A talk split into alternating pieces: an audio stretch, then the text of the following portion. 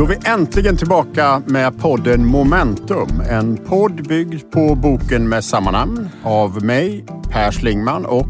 Av mig, Kjell A Nordström. Och den här podden är samproducerad ihop med bokförlaget Volante. Eh, och naturligtvis så tackar vi våra samarbetspartners som är lika nyfikna på framtiden som vi och som gör denna podd möjlig. TV4 och Diös.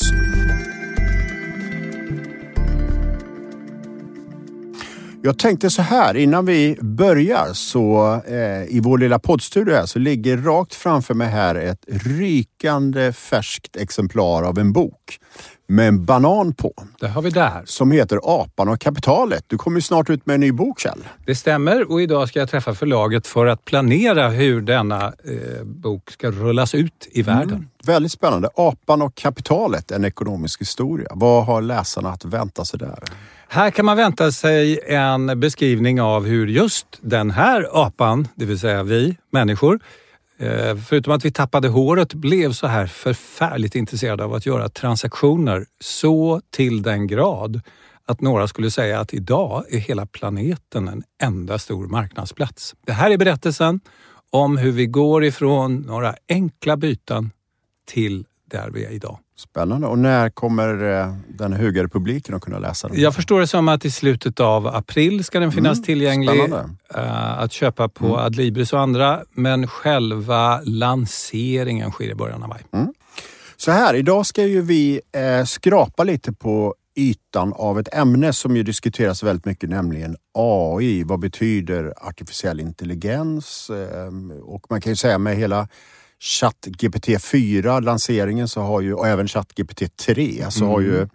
frågan aktualiserats och eh, vi kommer inte göra några anspråk på att ge en fullödig analys av vad AI kommer att betyda utan vi kommer skrapa på några olika frågeställningar. Men däremot så sätter vi in eh, AI kanske på tidslinjen över hur ny teknik varje gång den dyker upp förändrar vårt sätt att leva, driva affär, Kanske mm. också till och med politik. Ja men absolut och kanske också vad det betyder för oss människor i termer av kompetens och kunskap. Det är ju alltid sådana här skiften och lägen. Det är svårt att se, se möjligheterna. Det är lätt ibland kanske att se hoten och prata om dem. Eh, och vi ska också prata om eh, i Momentum för de som har läst boken, där skriver vi att vi är oroliga optimister. Precis. Huruvida det också är giltigt när vi tittar på AI. Låt oss återkomma till det. Men vi har ju först ett eh, litet segment där vi var och en väljer ett litet ljudklipp från kanske veckan som har varit och funderar ja. lite kring det. Så Kjell, varsågod. Ja, här har vi ett litet ljudklipp eh, ifrån eh,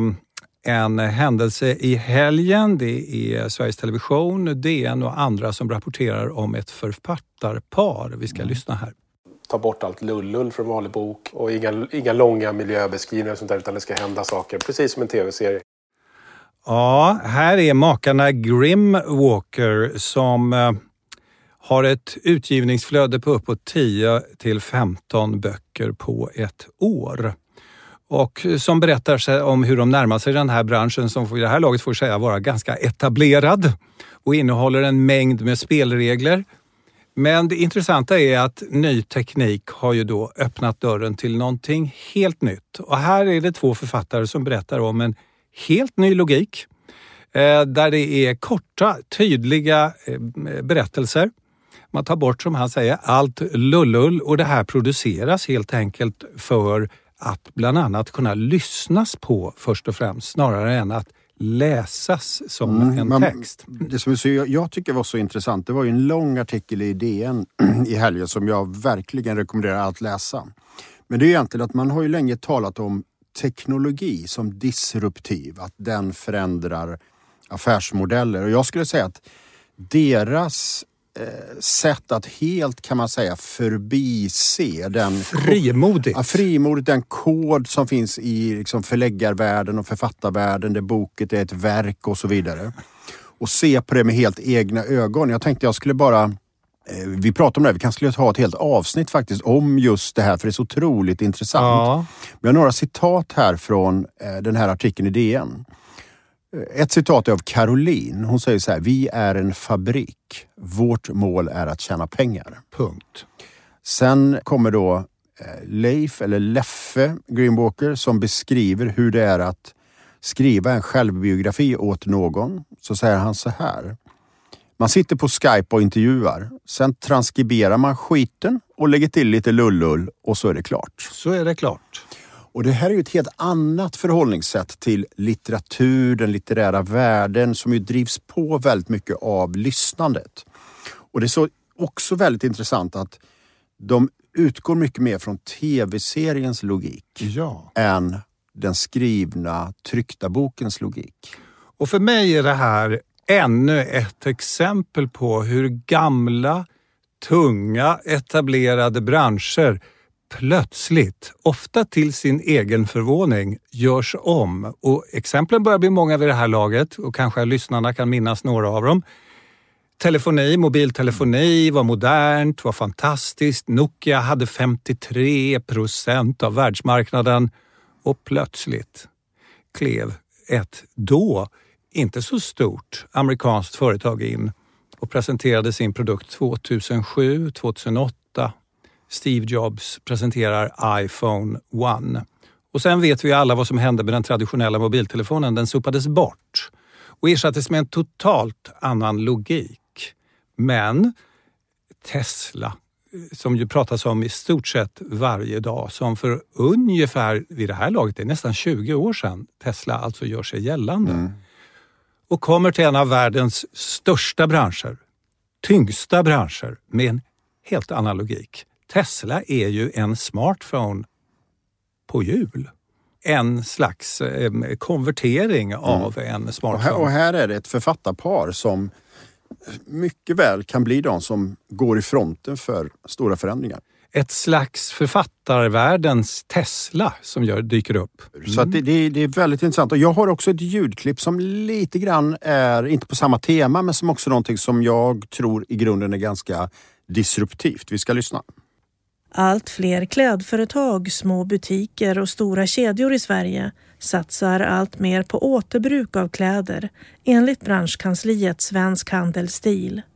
Då kan man ju fråga sig, vad är likheten mellan eh, författarparet Greenwalker och second hand? Men jag menar egentligen att det vi ser nu i både klädbranschen eh, men också mycket bredare eh, är ju ett helt skifte från idén om att producera saker och ting som köps i nyskick och som sen slängs eller kanske exporteras till andra delar av världen till att vi faktiskt ser på plagg och produkter som någonting som ska leva länge och ha många olika ägare eller innehavare över tiden. Och jag var nere, jag var förra veckan i, på Textilhögskolan i Borås och pratade väldigt mycket om hur ser de framåt? Vad ligger i deras testlabb och så vidare. Vi pratade med en av eh, de ledande retail-aktörerna. Och det de säger är att allt, allt handlar ju nu i princip om cirkulära modeller. Där den här producenten då eh, tänkte tanken egentligen att vi producerar ett plagg. Vi vet att det här plagget kanske kommer ha fem, sex olika ägare innan det når sin... Det är förväntad mängd. Och då är frågan för dem, hur tar vi del av den affären? Och det är det som gör att vi ser att exempelvis Synsam öppnar en butik nu på Sveavägen där man säljer eh, glasögon. Skistar har öppnat en butik där man säljer hyrskidor och så vidare. Att man, H&M vet jag är inne på detta, att man säljer sina egna plagg i second hand-form. Och då tänker jag en aspekt till som är, vi ser just nu, det är ju hela inflationen, kostnaderna blir högre. Och det är klart att second hand borde bli mycket mer relevant och kunna få liksom ha den här tidsmaskinen just nu därför att det kvalitativa lågpriset borde ju vara second hand. Och idén att vi använder våra produkter, att vi redan i designstadiet tänker in hur kan det här plagget användas många gånger och så vidare och så vidare. Så att jag tycker att det här, liksom Grimwalker, är ett annat exempel på någonting som är väldigt disruptivt just nu. Mm.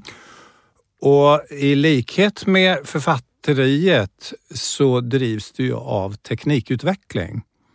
Eh, och den datamängd som till exempel genereras. För om man nu ska in på andrahandsmarknaden och plagget ska leva fem generationer, sa du, eller fem ägare, låt oss kalla det för Så fem. kan det vara. Så kan det vara. Så behöver ju vi veta någonting om det här flödet. Vad har kunden för förväntningar? Hur används plagget? Hur länge äger de det? Och enda sättet att komma in i det flödet är ju att vara där i det flödet själv, det vill säga H&M börjar sälja second hand själva. Det går ja, inte att överlåta till någon definitivt. annan. Det finns en annan aspekt på det som jag tycker är väldigt hoppfull och det är ju att eh, Tittar man på städernas framväxt så kan man säga att den, eh, den tidigare staden med många små egna butiker, det var som en mylla och del av ett ekosystem för småföretagare. Sen fick vi strukturomvandlingen. Eh, den lokala sportbutiken blev en del av en rikstäckande kedja. De lokala klädbutikerna blev rikstäckande kedjor. Och var du en lokal aktör så var det i princip omöjligt att sälja till den lokala butiken därför att de var del av något mycket större. Nu ser vi återigen en ny plattform för unga entreprenörer, för småföretag, för återbruk, för upscaling, för att laga och så vidare. Och det här ser vi ju allt ifrån cykelreparationer, sneakers, tvättar mm. eh, till liksom second hand-försäljning. Väskor. Väskor och eh, det är också väldigt spännande att se hur det påverkar staden. Det är ju tydligt att exempel på, vi sitter i Stockholm, vi är på Södermalm. Här håller det på att växa fram ett kluster av eh, second hand-butiker kopplat till kläder och mode. Så det är också någonting som påverkar våra miljöer och våra liv. Eh, Egentligen kan man säga, och det är en känsla som kommer med när jag lyssnar på dig, det är ju förvånande att vi inte har gjort det förut. Det är ganska logiskt, men det är också att tänka tanken att ett plagg är ju ett nytt material för någonting annat. Ja. Eh, och jag tror att det, vi kommer få se, om man tar det till politiken, eh, väldigt mycket av eh, det här kommer påverka skattesystemet. Vi kommer beskatta eh, nya material högre än använda material. Verkar rimligt. Eh, och vi kommer också behöva skapa platser och plattformar för, för detta. Möjligheten till återbruk, reparation. Eh, och det är så intressant för hade vi varit här för fem år sedan, då hade vi pratat om 3D-printen.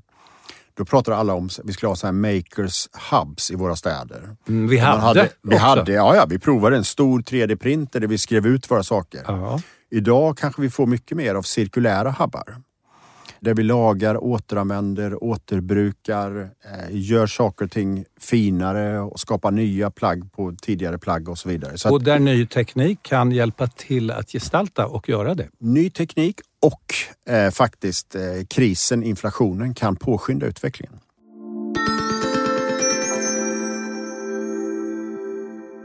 Ska vi gå in på eh, det som är vårt huvudämne, nämligen ja. AI man måste ju alltid börja någonstans. Ja. Och du nämnde ju egentligen så här, ny teknologi kopplat till second hand och vad vi egentligen pratar om är ju möjligheten att utveckla algoritmer. Mm. Vi börjar i där någonstans.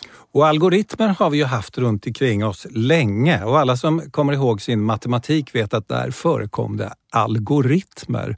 Och algoritmer är egentligen beslutsregler kan man säga. Så en eh, kaffemaskin, om man har en sån hemma, innehåller ofta en algoritm eller en diskmaskin eller en tvättmaskin. Så när man trycker på 40 grader fintvätt, då följer sedan maskinen snällt en serie med beslutsregler som mm, leder precis. till att det blir 40 grader. Och det som händer nu det är väl att de här algoritmerna också blir ju personaliserade. Ja. Om man tar exempelvis, eh, du är inne i Netflix och då lär sig att se Netflix, vad du prefererar, gillar, tittar på, kommer med Precis. nya förslag och Spotify och så vidare. Och det är klart att det har ju nästan alla upplevt som har Netflix ja, men absolut. HBO. Och det här pekar ju mycket på att det kommer att accelerera. Ja.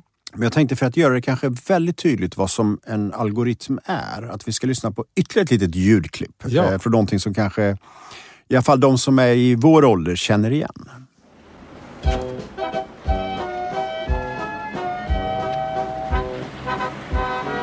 Ikke?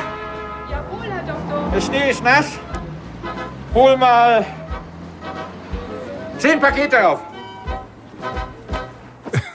Ja, eh, jag tror att många känner igen det här alltså från Sällskapsresan Snowroller. En eh, fantastisk film för övrigt. Eh, men det här klippet då visar ju när läkaren går ut på morgonen, tar upp snön, ser att snön är blöt. Nass. Nass säger till Helga, som är hans medarbetare, att ta nu in tio paket gips. Och algoritmen här är att snöns, att den är nass, våt, gör att vi kommer få se ett visst antal benbrott. Alltså förbereder vi oss med ett visst antal gips. Mm, utifrån erfarenheten, det vill säga hans hjärna, doktorns hjärna, läser mönster här helt enkelt i väder, flöde av inkommande patienter, behov av gips. Han är så att säga en, eh, en eh, tidig form här av eh, en biologisk form av intelligens. Precis, men det är också en algoritm. Det är en algoritm. Det, och I det fallet så är variabeln är ju snön, vädret och det påverkar i sin tur eh, prognosen för antal benbrott. En bioalgoritm är vad doktorn Precis. är. Precis. Och då tänker jag så här att, att eh, vi pratade lite grann på vägen hit om det här eh, och du nämnde ett annat väldigt intressant exempel. För vad vi pratar om nu det är egentligen när vi förmår få access till data. Vi får access till data på individnivå och så kopplar vi ihop det med AI, alltså artificiell intelligens. Mm. Vi pratar lite grann om Amazon. Ja. Hur det kan komma sig att, och du har ju en eh, precis nybliven kattägare. Ja, det stämmer. Eh, och hur det kan komma sig att Amazon har på känn att du möjligtvis kommer beställa en röd kattlåda. från Italien. Precis. Ehm, och att den röda kattlådan från Italien kan vara i Stockholm inom 22 timmar kan ju te sig i princip obegripligt om den inte ska åka eh, flyg. Och det ska den inte. Eh, så jag frågade min bror som jobbar på Amazon i eh, USA och då berättar han att maskininlärning gör helt enkelt att man läser mönster i beställningarna. Och sen kopplar man det till geografin, så kattlådor i rött körs fram från Italien och upp norrut och är redo att skickas ut till de kunder som trycker på köpknappen som jag då gjorde. Och då är den alltså inte i Italien utan den är så att säga framkörd. Den är förberedd därför att algoritmen i det här fallet vet att du inom kort kommer att beställa den. Precis. Och då sa du, vilket jag tyckte var väldigt skojigt sagt, nästa steg är ju helt enkelt att algoritmen har sett kanske när jag videokonfererar någon gång, att katten Spinksy mm. finns nu som familjemedlem och här kommer det att behövas en låda ganska snart. Så lådorna börjar köras fram utan att jag trycker. De beställer åt dig. Vi ska försöka förhålla oss lite grann till AI ur ett perspektiv som ligger lite närmare där vi står just nu. Ja. Men det är klart att, att eh, många gör ju bedömningen att vi kommer att komma dit vid en punkt att vi överlåter också själva köpbesluten till algoritmerna. Inte minst när det gäller kanske vissa typer av varor som vi upplever vara bara en del av att få livet att fungera. Man kan ju säga att det är någonting som är viktigt så fort man börjar tala om AI och oss människor och det är att maskiner är i genomsnitt mycket bra på sådant som vi människor är förfärligt dåliga på och tvärtom. Så det är väldigt svårt att få en AI att knyta skorna till exempel på gammeldags mm. vis med knut. Det kommer att ta en stund, möjligt att det går, men där i är en enorm utmaning. För oss ganska lätt, i synnerhet när vi har lärt oss det. Hitta mönster. Vi glömmer saker, förtränger grejer. Det pågår en massa processer i vår hjärna som stör eh, när vi ska hitta hitta precisa mönster i hur vi beställer smör eller kattlådor eller vad det nu kan vara. Det där har ju AI inget problem med, en maskin. Nej, absolut. Så det är ju, tycker jag, ett väldigt bra exempel på en tillämpning vi får se nu. Vi har ju några frågeställningar vi tänkte ta oss igenom. Eh, men kanske först det där att man skiljer ju också på vad man kallar för specifik eller specific AI och general. Ja. Och eh, den enkla definitionen är väl egentligen så här att specific är ju kan man säga mer avgränsade tillämpningar ja. av AI som leder fram till olika typer av funktioner eller stöd för oss människor. Mm. Och jag jobbar ju mycket med kommunikation och marknadsföring och där ser vi ju redan eh, väldigt tydliga stöd som förenklar väldigt mycket. Exempelvis så kan man idag automatiskt skriva pressmeddelanden. Du kan ha personifierade automatiska mejlsvar. Du kan skapa helt automatiserade presentationer. Eh, ChatGPT 4 har ju varit väldigt mycket diskussion om inte minst hur gymnasieelever använder det för att skriva uppsatser och så vidare. Och då är den väldigt specifik. Ja, Precis som de program som utvecklas i Linköping av svenska forskare för att spåra vissa cancerformer där man på cellnivå kan ge uppdrag för AI att avläsa eh, skanningen och titta var kan det potentiellt sett vara ett problem och så lämnas det till en människa för bedömning. Men den läser ju alltså av enorma volymer med data och sen presenterar för dig som doktor. Specific Artificial Intelligence.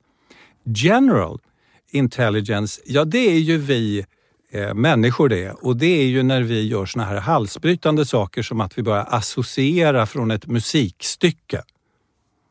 Ja, det får mig att tänka på eh, genetiska processer och evolutionära förlopp.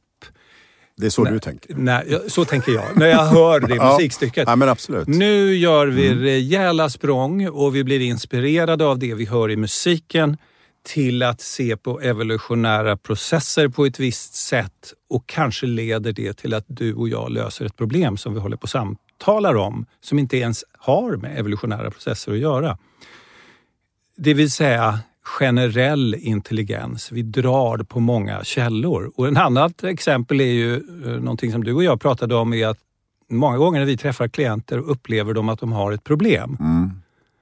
Och ganska snart efter ett kort samtal så säger du som specialist på kommunikation, men det här är ju inte ett Det kommunikationsproblem. är ett verksamhetsproblem. Det här är ett verksamhetsproblem.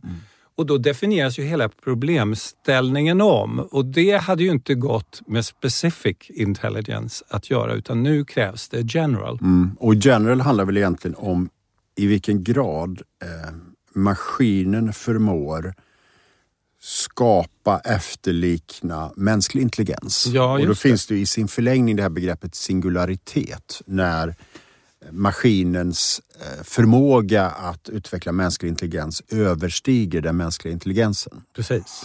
Men som sagt, vi ska inte vara i den eh, framtidsdimensionen utan försöka kanske förhålla oss lite grann eh, till det vi är just nu och fundera lite grann på vad får detta för konsekvenser utifrån liksom samhällsperspektiv, ekonomiskt och för kompetens. Mm, vi gör några nedslag tycker jag. Ja, nej men absolut. Och eh, vi nämnde ju tidigare sådär, det som kanske just nu ter sig mest intressant är ju egentligen när man kopplar ihop AI med tillgång till data. Mm. Och hur det kommer att kunna eh, revolutionera eh, läkekonsten, sjukvården, lärande, Stadsplanering. stadsplanering, eh, men också såklart handel. Jag berättade, det var ju väldigt roligt, för några år sedan så kallade vi ju egentligen det här för det här begreppet big data som alla pratar om. Eh, och jag, jag pratade då, kommer jag så väl ihåg, med, med en av våra stora livsmedelskedjor som konstaterade att vi har egentligen tillgång till hur mycket data som helst. Varje dag kanske 20, 30, 40 procent av Sveriges befolkning går in i våra lokaler, gör inköp. eh, men- Genererar data. Ja, men som han själv sa, vi kan inte själv prognostisera hur mycket halloumi vi behöver. Så det är klart att, att det, inte- det, det som jag tyckte var intressant med det någonstans är, tror jag, det vi kommer få se nu, liksom Grim Walker och sådär, nya aktörer som ger sig in här eh, med sin egen nya logik. Det kommer vara Ja. ganska tufft, tror jag. För stora aktörer som sitter fast i stora system. Eh, Jag kommer ihåg någon gång pratade jag med ett försäkringsbolag i Sverige som berättar att de hade ungefär 400 olika IT-system som samverkade med varandra. Och det är klart att med sån, sådana typer av processer så kommer det bli väldigt svårt att omvandla det för att maximalt ta vara på data och koppla det till AI. Ja, och eh, man kan ju också se att den här eh, AIn ändrar ju, du kallar det logiken, men det kanske är någon, hela paradigmet. Företagande som jag har tränats i att titta på i så många år har ju handlat väldigt mycket om att gissa. Vara duktig på att gissa. Det kallas ofta budgetering med, på mer fint språk Intuition. intuition, känsla för kunderna, förstå sin kund. Allt det där har ju innehållit ganska häftiga moment av gissning, mer eller mindre. Och det spelar ingen roll om man är bank eller försäkringsbolag eller, eller det här dagligvaruföretaget som du refererar till. Vad som kommer nu är ju en teknik som man skulle kunna jämföra med radar om man var kapten. Eh, under en lång tid fick vi ju segla utan radar och då fick vi ju gissa och så gott vi kunde försöka navigera med ganska primitiva hjälpmedel. Sen kommer radar.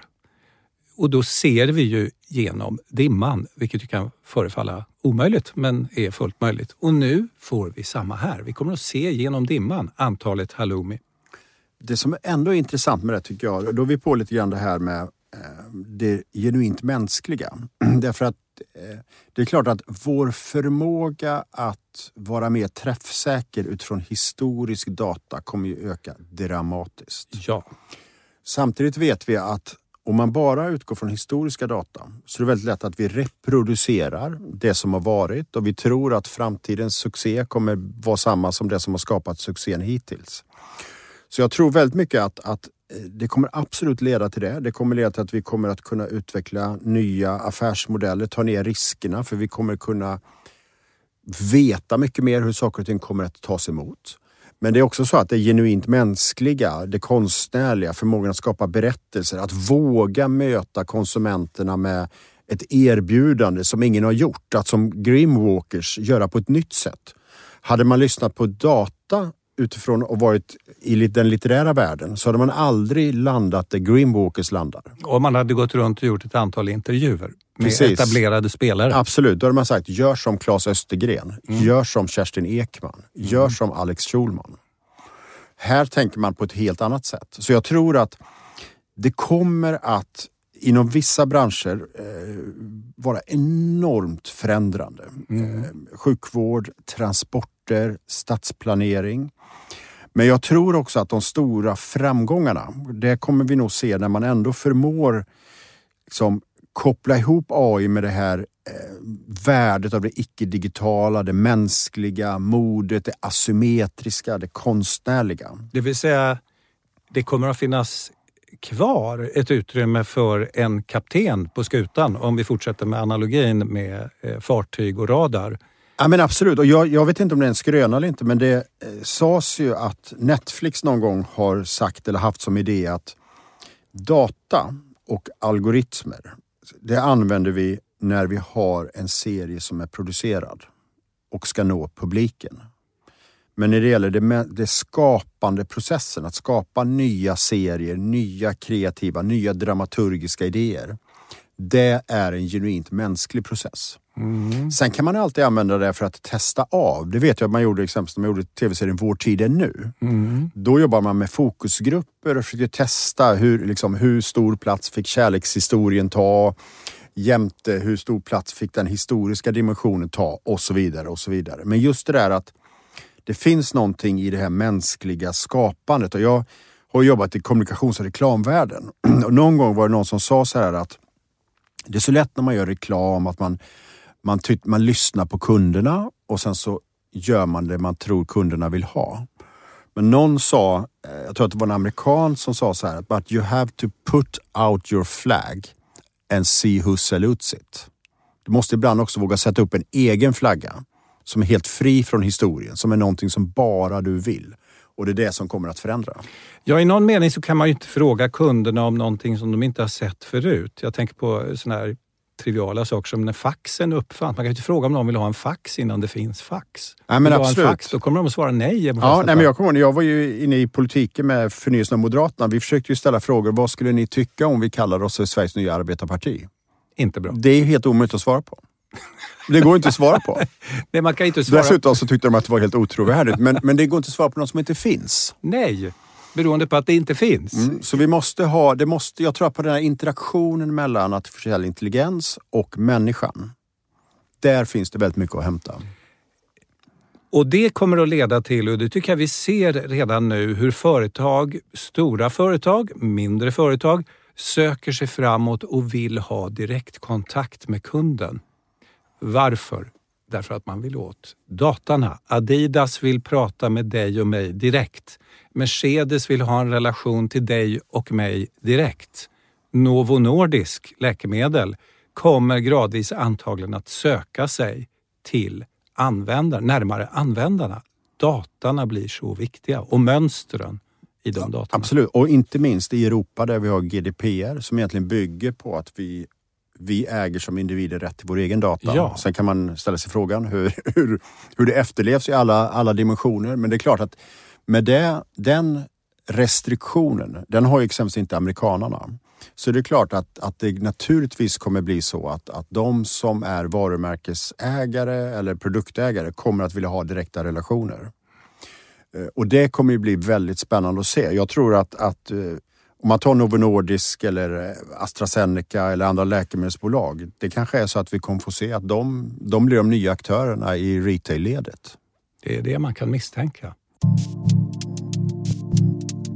Och då kommer vi närmare samhället och hur det kommer att se ut. Mm. Ja, men det, ju, det finns ju all fog att fundera på hur det här kommer påverka samhället. Och det är klart att en dimension, det är ju det som jag nämnt lite, att det här kommer ju skapa enorma möjligheter till förbättringar när det gäller transporter, sjukvård, lärande om vi hanterar det rätt. Skulle jag säga. Stadsplanering. Stadsplanering. Utmaningen är ju, och det är väl som så ofta i sådana här teknikskiften, eh, hur hänger vi människor med? Ja, Eh, Och då finns det ju en väldigt stor oro för att det är också så att om du kopplar ihop den här utvecklingen med det vi kallar för automatisering, nämligen att vi ersätter eh, mänskliga processer med robotisering, automatisering, där ju AI och maskininlärning blir en del. Så har vi ju ganska länge konstaterat att det, kommer, det finns ett ganska stort antal jobb som människor idag utför som kommer att utföras av maskiner.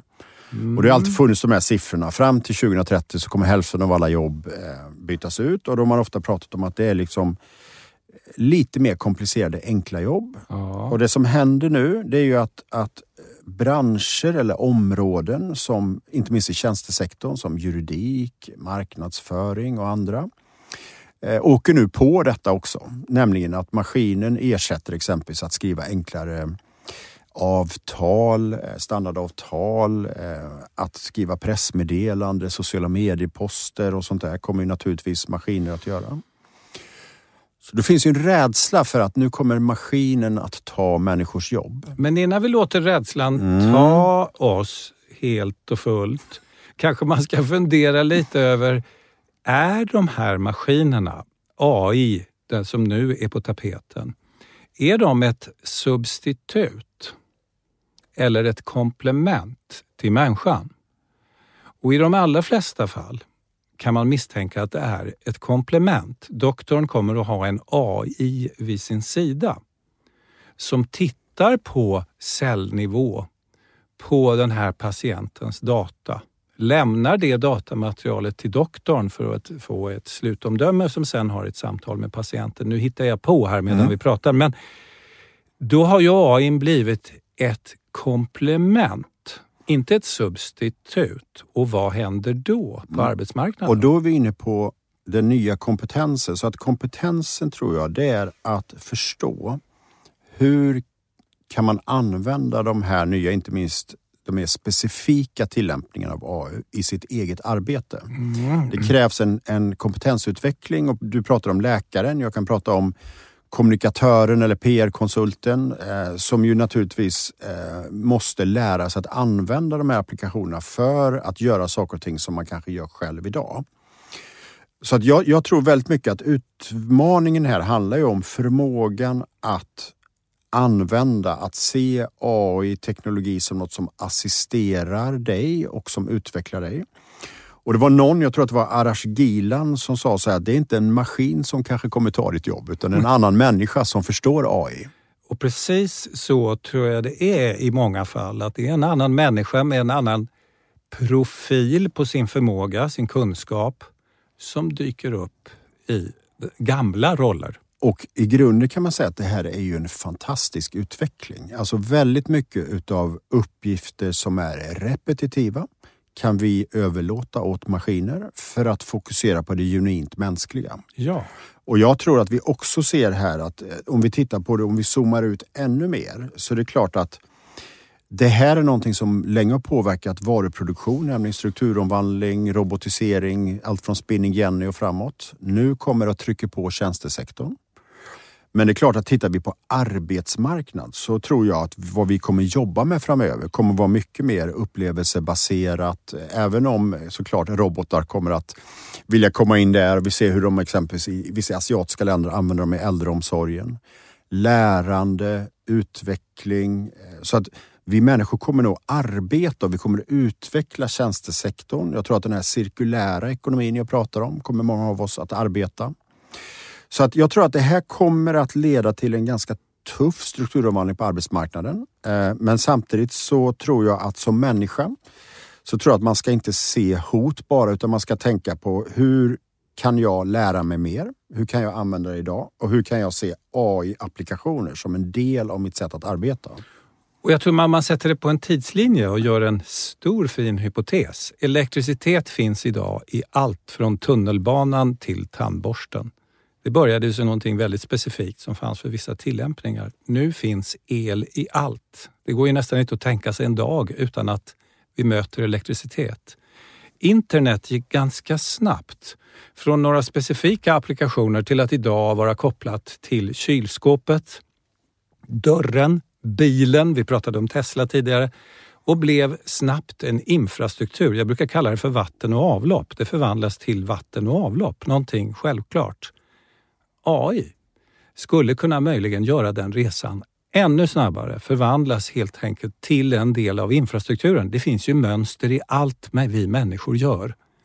Skola, vård, utbildning, försäljning, mönster, mönster, mönster. Och då kommer de här maskinerna att kunna frilägga de här mönstren, hjälpa oss och förenkla tillvaron i någon mening. Absolut och eh, så att jag, jag eh, kan man säga, jag delar helt den här uppfattningen. Jag tyckte också det är lite intressant för att vi försökte titta lite grann på hur står sig Sverige när det gäller AI? Mm.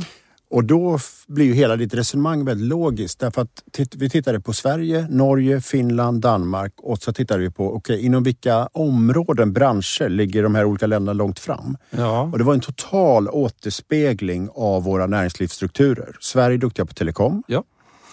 Eh, Finland, Finland, papper och massa. Papper och massa. Eh, Danmark har vi shipping. Ja läkemedel tror jag. Danmark ja, också. shipping och läkemedel. Ja, precis. Och Norge, eh, om det var fishing. Energi. Eller, energi, precis. Energi. Mm. Så att det finns en logik här att vi använder naturligtvis AI för att eh, få in det som processer i det vi gör. Och sen så är det som så alltid så tydligt, vem har utvecklat ChatGPT? Namnet från San Francisco. Så att eh, vi får hoppas också att vi ser några renodlade starka svenska AI-bolag som utvecklas specifikt. Men vad viktigt är här att om det här händer, det vill säga AI förvandlas snabbt till vatten och avlopp, då är det inte en konkurrensfördel. För vatten och avlopp är inte en konkurrensfördel att ha toalett och sånt. Om vi tänker på det här med konkurrensfördel så finns det någonting annat lite intressant här och det är ju vi har ju i vår bok och tidigare pratat om vad vi kallar för oligoner. Hur världen egentligen faller isär i ett antal geografiska strukturer som är mer värdebaserade. Mm. Och en del av de här strukturerna det är också att man har olika digitala ekosystem. Ja. Vi har ju i vår del USA, Sverige, vi är ett ganska kommersiellt drivet internet. Mm. Tittar vi på Kina, det är mycket mer kan man säga auktoritärt drivet. Mm. Eh, Ideologiskt. Man har mycket mindre respekt för mänskliga rättigheter. Eh, och då kan man ju tänka sig att ser vi på hur AI kommer att utvecklas i olika delar av världen så är det klart att det faktum att vi har GDPR här, eh, får se hur det utvecklas, kommer ju sätta sin prägel på Europa. Mm. I USA så är det möjligt att köpa data på ett helt annat sätt. Men tittar vi på kineserna så är det klart att, att där man inte har någon respekt för mänskliga rättigheter kan man jobba med face recognition ett, och, och, samla in och data. Och gör det också. Och gör det. Och det såg vi hela pandemibekämpningen, att samla in data på ett helt annat sätt. Så, så rimligtvis är det ju så att AI kommer att bli rimligtvis en dimension när vi tittar på hur de här oligonerna kommer att utvecklas, både geopolitiskt, säkerhetspolitiskt och kanske också ekonomiskt. Det finns en film av Ingmar Bergman som heter Så som en spegel. Det vill säga hur AI utvecklas i respektive oligoner blir nog så som en spegel av det samhällsbygget. Precis, så att, så att det finns en, en tydlig koppling. Jag tyckte också det var så intressant att när den här ChatGPT 4 lanserades så kom det ganska snabbt en nyhet att nu lanserar Baidu i Kina sitt svar, nämligen Ernie, som en egen eh, bot på samma sätt. Och du spelade också in hur människans uppfinningsrikedom spelar in här med den här t-shirten. Ja, under um, de upplopp som av och till har förekommit i Hongkong då unga människor har gett sig ut på gatorna och demonstrerat eh, därför att Peking vill tillsätta en ny chef i Hongkong. Och då har man använt naturligtvis face recognition för att identifiera de här studenterna. Men studenterna är ju studenter och pigga intellektuellt och upptäcker ganska snart att man kan ha t-shirts där det finns utkast till 50 olika ansikten som rör sig dessutom som gör att AI låser sig ganska snart och kan inte riktigt se vem det är. Det blir så många ansikten. Ja, men väldigt roliga. De heter alltså Anti-facial recognition t-shirts. Ja, det är bara att beställa på nätet. Man kan beställa på nätet och det finns lite olika modeller men några av dem är ganska snygga. Absolut. Så att, eh, jag överväger att köpa en i present. Ja, nej, men absolut. Vi eh, kanske har det vid nästa inspelning. Jag tänkte så här, vi, vi har ju, om vi återgår till också vad vi tidigare har pratat om, så har vi ju någonstans eh, landat in, kanske ända sedan vi skrev den här lilla boken Urban Express, att eh, perspektivet man kan ha och som vi väl har inför samtiden är att vara en orolig optimist. Aha. Nämligen att inte rygga för eh, de kortsiktiga farorna och hoten, inte rygga för att våga ta ner risker, men samtidigt vara optimist och se möjligheter. Mm. Och, och, då är frågan, om vi då tittar på AI, eh, där det också finns, läser vi amerikanska böcker och sådär, finns ganska dystopisk syn. Då är frågan, är det rimligt att också vara en orolig optimist när vi ser på AI? Ja, när man sitter här i Stockholm och i våran lilla hörna av den här oligonen så ja, eftersom AI kommer att vara så som en spegel. Och de här samhällena, de fem nordiska länderna till exempel, är rimliga. Och AI kommer att vara så som en spegel många gånger av ett rimligt samhälle. Mm, och jag eh, håller helt med om detta. Jag jag tror att vi kommer få se på vissa samhällsområden stora förbättringar. Jag tror att svenska företag, vi är ju ett ingenjörsland. Vi kommer nog förmå ganska väl, tror jag, att ta vara på möjligheterna med AI. Sen kanske inte det är vi som utvecklar plattformarna. Jag tror att utmaningen för vårt samhälle kommer ju vara, tror jag, för oss människor eh, att inse hur drar vi nytta av AI i våra arbeten. Vi kommer att se ganska stora behov av strukturomvandlingar. Så parallellt egentligen med hela utvecklingen mot mer av gigekonomins logik, ett flexibelt arbetsliv, eh, disruptiva förändringar av affärsmodeller och allting så kommer vi också se detta. Så det här blir ytterligare någonting att lägga till som primärt tror jag är en möjlighet. Avslutningsvis tänkte jag så här, vi har ju också ganska ofta liksom entreprenören någonstans som perspektiv eller mm. ledaren. Mm. Hur, hur ska man då förhålla sig till detta? Eh, och det var någonting som var intressant när, när man tittar på vad anses vara liksom baksidan av AI. Så är det ju att det är fruktansvärt dyrt. Per idag? Per idag. Att utveckla eh, nya AI-applikationer eller kanske anpassade så kallade specifika lösningar. Mm. Däremot så är det ju väldigt låga kostnader att använda befintliga applikationer. Ja, och de som har utvecklat kommer också ha ett så kallat egenintresse av att få tillbaka en del av de gigantiska molnägare till exempel av de gigantiska investeringar man har gjort. Det vill säga man kan misstänka att AI, det finns redan idag på burk så att säga, mm. Eh, AI som en service. Och jag tror man ska tänka på det här som ledare, som en service som man köper in sig i. Man har inte eget kärnkraftverk, man köper från Fortum eller Vattenfall. Och det här är samma logik. Det är väldigt dyrt att starta kärnkraftverk. Mm, absolut, och jag tänker mig också att kanske återigen börja lite experimentellt. Att, att låta, våga låta ens medarbetare själva testa sig fram, prova olika applikationer som finns. Se hur man kan använda dem. Snarare kanske än att tillsätta stora, feta, tunga projekt där vi ska utveckla egna AI-lösningar. Det tror jag man ska vara väldigt försiktig med, i synnerhet på den kunskapsnivån vi är nu och där man inte heller, tror jag, kan idag överblicka kostnaderna för att göra en AI-tillämpning i pharmaceuticals, till exempel läkemedel. Ja, men precis. Så att, Själv. ja, men absolut. Så att, så att, och det är väl också någonting som kanske trycks på av eh, att vara på väg in i en sämre konjunktur. Att vi ser, ser nu över allting. Var kan vi spara kostnader? Och det är klart att där liksom olika AI-lösningar faktiskt kan ta ner kostnader. Eh, där finns det också stora möjligheter att faktiskt ganska snabbt kanske se en utveckling. Det finns ett ord eh, som man kan upprepa tre gånger så kommer man ihåg det. Samarbete, samarbete och samarbete. Och eh, kanske också att vara en orolig optimist. Som samarbete. detta. Har du något mer att tillägga? Nej, det finns tycker- mycket att prata om när det gäller AI. Det här var ett litet skrap. Här tror jag att vi bara helt enkelt får dra ett streck vid någon punkt och återkomma i frågan. Precis, lite som Björn Ranelid brukar säga att man har ett flöde. Någonstans måste man sätta stopp i det här flödet. Och det gör vi här och nu.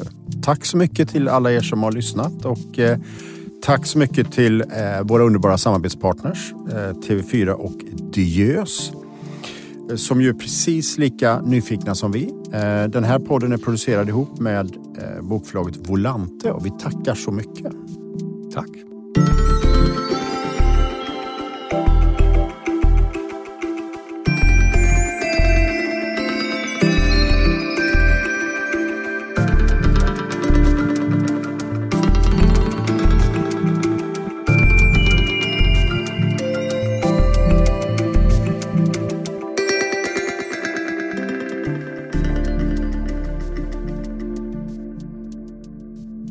Det här programmet görs på Beppo. Beppo.